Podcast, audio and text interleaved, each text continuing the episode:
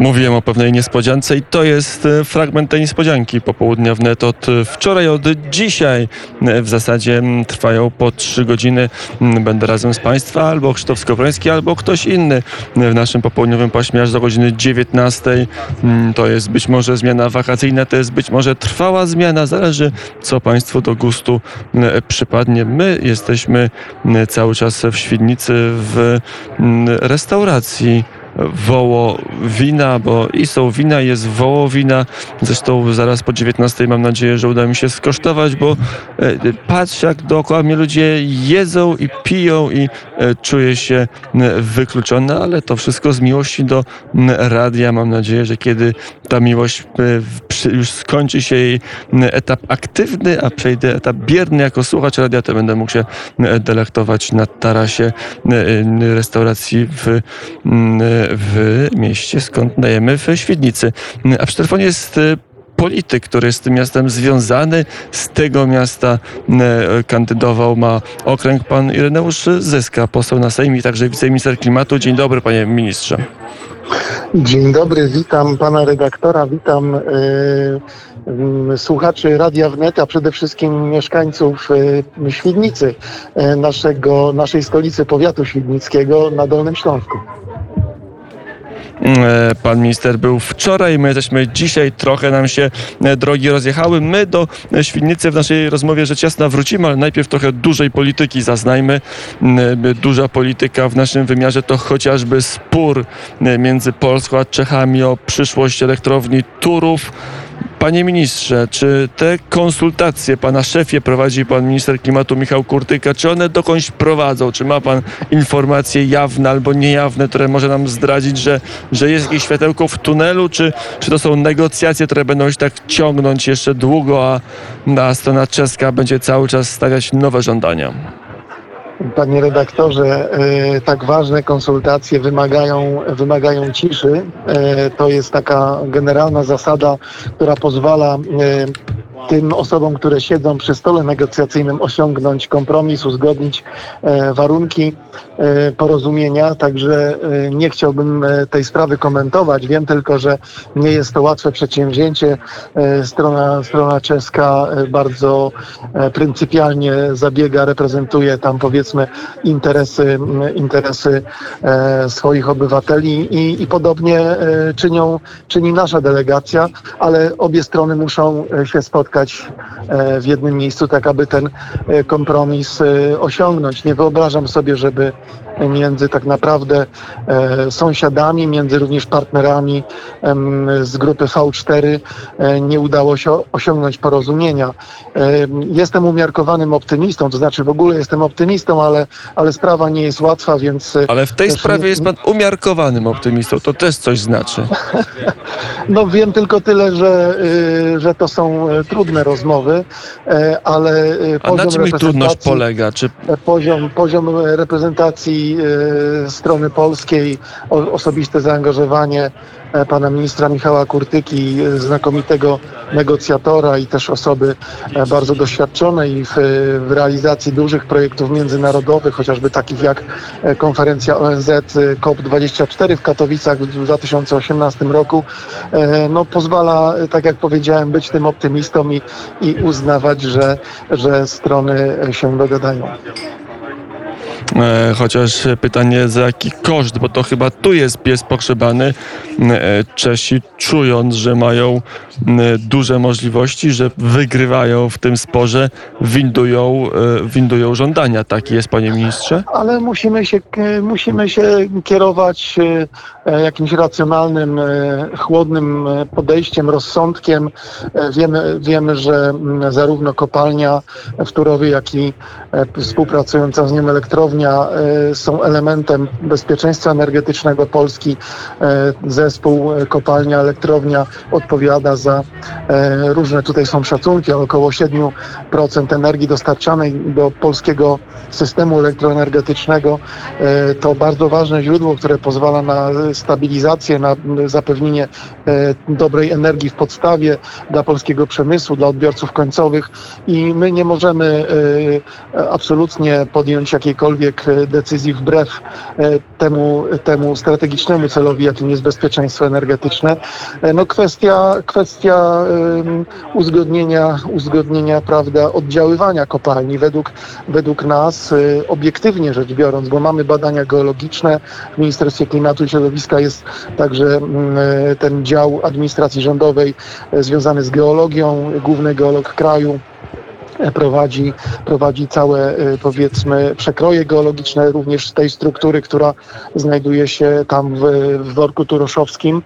Y, i, i y, no, takiego oddziaływania, jak twierdzą Czesi, nie ma w zakresie odpływu, przenikania tych wód gruntowych, no ale nie, nie zawsze kwestie merytoryczne są na pierwszym planie, czasem po prostu są kwestie polityczne. Też pamiętajmy, że w Czechach jesteśmy tuż przed wyborami parlamentarnymi, parlamentarnymi, to z pewnością też jest y, takie ciśnienie polityczne, żeby e, społeczeństwu pokazać y, tą e, twardą stronę e, rządu, który zabiega o respektowanie interesów i tam tej, tej części kraju, która graniczy z, z, z Polską, tam gdzie jest ta O tym kopalnia. się mówi, ale jeżeli to byłaby prawda, to w takim wypadku spór będzie trwał, panie ministrze, aż do jesieni tego roku. Dopiero wówczas będą wybory wybory w, w Czechach, a jeżeli wygra te wybory partia Piratów, to może będzie jeszcze gorzej, bo to partia, która ma taki wyraźny ekologiczny sznyt.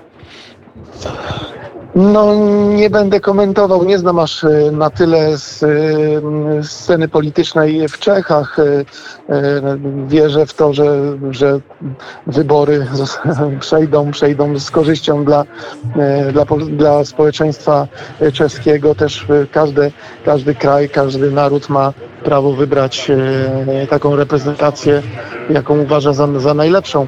My natomiast musimy się skupić na naszych zadaniach, na naszej odpowiedzialności, zapewnić funkcjonowanie zarówno kopalni, jak też elektrowni e, i te rekompensaty, które, które gdzieś tam e, E, szykują się, bo, bo tego dotyczy, dotyczą te negocjacje, one powinny być e, adekwatne do, do szkód, które potencjalnie może wyrządzić funkcjonowanie kopalni.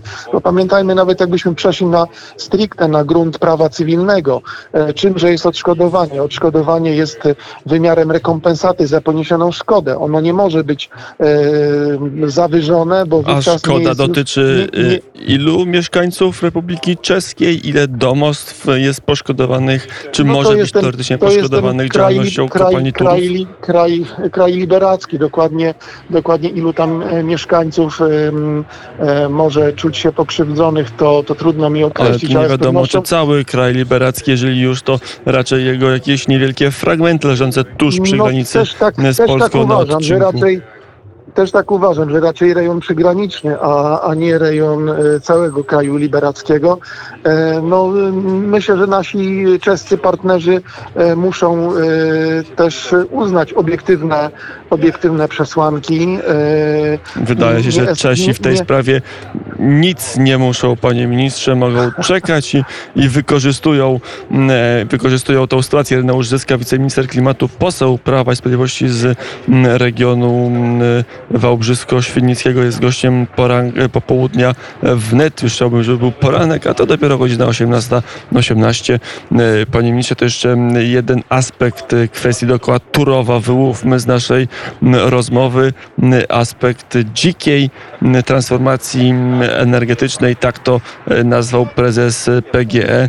Znaczy, to jest wymuszenie na dziko szybkiej transformacji. Pan minister zajmuje się tą transformacją cywilizowaną, chociażby ustawy o OZE. Na ile w obecnej kadencji rządów Prawa i OZE wróciło do łask, bo poprzednia kadencja jakby była troszkę inna, troszkę więcej węgla, troszkę mniej OZE, a teraz wydaje się, że wracacie e, do, czy wraca do łask wiatr i woda w polskiej polityce energetycznej, panie ministrze.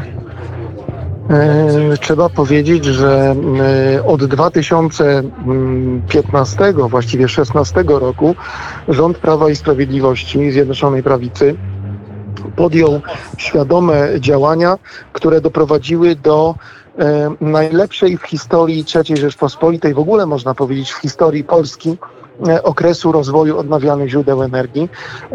To może powiem na konkretnych przykładach, bo w, roku 2015 w grudniu mieliśmy w Polsce trochę ponad 4 tysiące prosumentów. Dzisiaj jest ich około 600 tysięcy. To między innymi zmiany w ustawie polegające na wprowadzeniu opustów, to program rządowy, priorytetowy program Mój Prąd, który no, zwielokrotnił funkcjonowanie mikroinstalacji prosumenckich na dachach naszych domów, ale nie tylko. Rozwój, e, rozwój dużych instalacji fotowoltaicznych, rozwój e, chociażby projektów e, przygotowywanych, bardzo zaawansowanych w zakresie morskiej energetyki wiatrowej. To wreszcie czas rządu pana premiera Mateusza Morawieckiego, który w expose zapowiedział powołanie y, Ministerstwa Klimatu. Pierwszy raz w historii administracji rządowej pojawiła się y, jednostka administracyjna, która z definicji ma dbać o ten wymiar mm, energetyczny w większym udziale tak zwanej czystej, zielonej energii, o transformację, sprawiedliwą transformację regionów górniczych. Chodzi o to, aby zresztą te komponenty znalazły się w polityce energetycznej Polski 2040, dokument strategiczny przyjęty e, w lutym bieżącego roku przez Radę Ministrów, e, gdzie oczywiście zmierzamy do obniżenia emisyjności polskiej gospodarki, żeby zapewnić konkurencyjność polskiemu przemysłowi, e, polskim firmom, ale na, na rynkach europejskich, rynkach międzynarodowych, ale z drugiej strony bardzo zależy nam, to jest, to jest wręcz fundament naszego myślenia o transformacji, żeby ona była sprawiedliwa. My mamy obowiązek ochronić duże grupy zawodowe, grupy społeczne, które funkcjonują w tych regionach górniczych, zwłaszcza na Górnym Śląsku, czy, e, czy też w tych regionach Bełchatowa właśnie i wspomnianego przez pana redaktora Turowa. E, no ja osobiście pochodzę e, z regionu wałbrzyskiego, gdzie mamy przykład fatalnie źle wykonanej transformacji, gdzie w latach 90. zlikwidowano, zamknięto kopalnię w Wałbrzychu w Nowej Rudzie bez żadnej osłony socjalnej, bez żadnej osłony infrastrukturalnej skierowanej do, do samorządów terytorialnych, e, to spowodowało zapaść gospodarczą tego, tego regionu i negatywne zjawiska e, społeczne. E, I właśnie wskazując na ten przykład, na te doświadczenia społeczne, społeczeństwa mieszkającego w rejonie, w aglomeracji wałbrzyskiej, trzeba uniknąć tego typu zjawisk y, w transformacji, która jest przed nami, która właściwie już trwa. Y, dlatego też zabiegamy. Pan premier Mateusz Morawiecki y, poprzez znakomite negocjacje uzyskał wysokie kwoty w podziale kwot zarówno Funduszu Sprawiedliwej Transformacji dla Polski, ale y, również y, w całym Zielonym Ładzie Europejskim y, z Funduszu Odbudowy 750, różnie liczymy przy przelicznikach 770 miliardów złotych, które w ciągu najbliższych kilku lat zasili polską gospodarkę. I nie chodzi tylko o to, aby odbudowywać gospodarkę po kryzysie koronawirusa, ale zbudować zupełnie nowy system gospodarczy, przyjazny dla człowieka, przyjazny dla środowiska, e, w oparciu o nowoczesne technologie i stwarzające perspektywę rozwoju dla, dla społeczeństw, dla ludzi, e, także dla tych najzdolniejszych, którzy przez kolejne, kolejne lata wcześniej szukali swojej szansy za granicą, żeby realizować swoje kariery, żeby też móc wykorzystać wykorzystać swój potencjał, swoje talenty.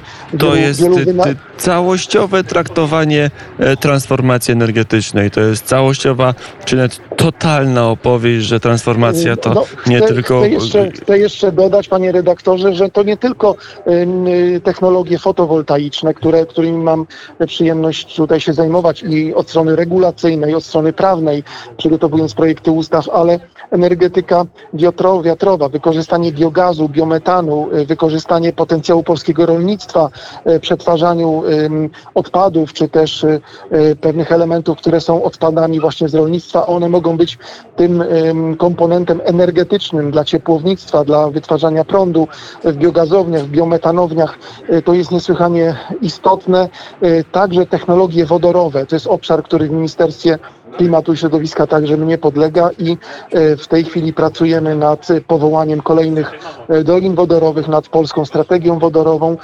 Niesłychanie interesujący obszar, ale sam w sobie. Natomiast dla mnie najważniejsze jest to, że musimy stworzyć ten impuls gospodarczy, żeby to zafunkcjonowało w polskim obszarze gospodarczym, tworzenie wysokopłatnych miejsc pracy i polskich specjalności, które staną się także specjalnościami eksportowymi. Jest czas na, y, na ekspansję, czas na rozwój gospodarczy, czas na to, żeby zbudować silne polskie państwo dobrobytu. Wierzę w to, że również w Polskim Ładzie, programie przygotowanym przez pana premiera Morawieckiego wraz z całym y, no tutaj rządem i, i głównymi ministerstwami gospodarczymi, uda się osiągnąć ten, ten cel e, w postaci... To jeszcze, żeby e, ten cel się udał, trzeba e, mieć odpowiednią sytuację polityczną, panie ministrze. To jeszcze jedno pytanie z tej polityki krajowej. Straciliście większość jako klub parlamentarny partii rządzącej, czy koalicji rządzącej. Klub parlamentarny Prawo i Sprawiedliwość liczy 229 posłów, a nie 235, tak jak to miało miejsce na początku tej kadencji. Myśli pan minister, że to wszystko nie utrudni realizacji tego typu e, projektów, że być może macie śmiałe i bardzo e, dalekosiężne i słuszne wizje, e, tylko że nie macie spoistości obozu rządzącego, nie macie możliwości, aby je zrealizować. Mamy większość parlamentarną i stabilną większość parlamentarną, a bardzo ubolewam nad tym, że nasi koledzy e, również e, Bo pan minister wie, jaki jest główny argument, który się pojawił na tej konferencji, poseł, że kiedy, pani, kiedy powstawał nowy, nowe koło Wybór Polska, to jest de facto takie trochę koło karbonariuszy, żeby użyć żartu historycznego, e, bo i pan poseł Arkadiusz Czartoryski i pani poseł e, Małgorzata Janowska mówili, że to właśnie o węgiel chodzi, o to, że Prawo i Sprawiedliwość e, poszło inną drogą, nie broni węgla, tylko chce, tylko chce transformacji energetycznej, którą pan realizuje w Ministerstwie Klimatu. E, nie, tak naprawdę. To jest moja subiektywna, osobista ocena, e, ale e, poszło o osobiste ambicje i, i może jakieś urazy, że ktoś kogoś nie zrozumiał, ktoś kogoś nie wysłuchał. Jak się jest w polityce, w, co jest wielką wartością w grupie, która ma realny wpływ na kształtowanie przyszłości państwa w sposób odpowiedzialny i w wymiarze ideowym pewnych wartości, Y, z których y, Polska wyrasta od, od setek lat, od pokoleń, i też budując e, dobry program gospodarczy, to trzeba czasem ugryźć się w język, trzeba powściągnąć emocje e, osobiste, personalne i e, razem budować tą dobrą przyszłość. To zasłanianie się węglem nie do końca jest właściwe, że ktoś broni interesów sektora węglowego i dlatego obraził się i wyszedł z klubu parlamentarnego, bo tak uważam, że mm, my bardzo szanujemy to środowisko. Polska, rozwój gospodarczy, Polski przez ostatnie dziesiątki lat e, bardzo dużo zawdzięcza sektorowi węglowemu i górnikom i energetykom. E, to jest e, główny motor napędowy rozwoju naszego kraju, ale w tej chwili trwa czwarta rewolucja gospodarcza, rewolucja również w wymiarze energetycznym na świecie i my możemy wziąć udział w tej rewolucji, możemy, możemy dokonać wielkiego skoku cywilizacyjnego, ale jeżeli tym megatrendom e, będziemy się opierać i pozostaniemy na tych pozycjach węglowych, o których Pan e, wspominał, to po prostu przegramy. Przegramy na konkurencyjności, na sile polskiego Ale widać, że Panie Ministrze, widać, że ten węgiel staje się e, pewnym, no być może tylko pozornym, być może fałszywym, a jednak wytłumaczeniem rozłamów. Dobrze, tyle o energetyce, Panie węgla, Powiem jeszcze tak, żeby to było też jasne. My w Ministerstwie Klimatu i Środowiska oprócz e, dużego nacisku na, e, na, na środowisko jakie tak, jako takie, na, e, na rozwój odnawialnych źródeł, nowych technologii, uważamy, że węgiel, paliwa kopalne, w, w tym gaz ziemny, ale przede wszystkim węgiel kamienny, węgiel brunatny jeszcze przez, e, przez 30, co najmniej 30 lat, tak jak to jest w porozumieniu e, społecznym z sektorem węgla e, kamiennego podpisane porozumienie, będzie odgrywał niesłychanie istotną rolę. My nie możemy gwałtownie odejść od węgla, bo spowodujemy katastrofę gospodarczą. Więc i mówimy to otwarcie i w wymiarze politycznym, i w wymiarze programowym, i, i w rozmowach z, z różnymi środowiskami. Dojdzie jeszcze energetyka jądrowa w, w swoim czasie, bo jak, jako stabilne źródło, zeroemisyjne źródło energii. I to jest, to jest proces rozłożony na, na trzy dekady. Jeżeli ktoś tego nie rozumie i emocjonalnie w tej chwili eksponuje, że coś złego się dzieje z sektorowi węglowemu, to jest tylko no, takie wytłumaczenie i to dość powiedziałbym nie do końca mm, prawdziwe, bo Uważam, uważam, to jeszcze raz powiem, to jest moje osobiste zdanie. E, inne przesłanki e, legły u podstaw decyzji trójki posłów, którzy opuścili klub. To już ostatnie pytanie, ostatnie słowa o, mm, o region, tą sytuację. Pan był wczoraj w e, Świdnicy. Czym się ten region, ten region politycznie charakteryzuje? No, to jest e, piękny, piękny region. Dolny Śląsk słynie, e, słynie z zabytków. Jedna czwarta e, zabytków e, w Polsce jest zlokalizowana na Dolnym Śląsku. E, to miejsce, gdzie także mamy zagłębie uzdrowiskowe e, w regionie wałbrzyskim. Osiem uzdrowisk, na Dolnym Śląsku 11, więc również blisko jedna czwarta wszystkich uzdrowisk w Polsce. Oprócz tego dynamicznie rozwijający się przemysł, Wałbrzyska Specjalna Strefa ekonomiczna, Przedgórze Sudeckie, znane miejscowości, które od lat y, charakteryzowały się wysokim uprzemysłowieniem. W trakcie tej transformacji ustrojowej lat 90., jak wszędzie w Polsce, wiele zakładów upadło, część zostało sprywatyzowanych, ale nadal jest pamięć przemysłowa, jest, e, jest dużo specjalistów, fachowców, którzy, którzy mogą e, w tej chwili włączyć się w tą transformację, o którym mówiłem, uczestniczyć w budowie nowego przemysłu, nowego systemu który, gospodarczego, który będzie oparty o nowe technologie, odnawialne źródła energii, również z wykorzystaniem wodoru. Trzeba powiedzieć, że w samej Świdnicy mamy fantastyczne klasy zero e, zabytki, między innymi katedra świdnicka, naprawdę wyjątkowa, przepiękna, w tej chwili jest w remoncie też z dofinansowaniem e, z programu e, rządowego. Katedra została wpisana na listę zabytków, tak zwaną listę prezydencką. E, to, to zabytek e, wyjątkowy, unikalny, e, bogaty, bogaty wystrój barokowy, na pewno też koncerty organowe, które zawsze się tam odbywały, odbywają, przyciągają nie tylko ludzi, ludzi wierzących, ale także, także ludzi świata kultury. E, Kościół Pokoju, który jest w Świdnicy, również unikalny zabytek w skali Europy czy nawet świata. Ściąga co roku, ściąga co, co roku mnóstwo turystów. To wszystko no właśnie i... ściąga turystów do Świdnicy. Panie ministrze, i tutaj postawimy mm, kropkę. Janeusz Zyska, wiceminister mm, klimatu, był gościem popołudnia wnet. Mm, chociaż ze Świdnicą związany, to tym razem telefonicznie z Warszawy. Ja rozumiem. Bardzo się, ma... bardzo się cieszę, że Radio Wnet zawitało w nasze rodzinne strony. To, to dla nas też wyjątkowa promocja. Nie po raz i, pierwszy i nie po raz, panie ministrze, ostatni. Dziękuję bardzo za dobre słowo i do usłyszenia. Dziękuję, pozdrawiam, do usłyszenia.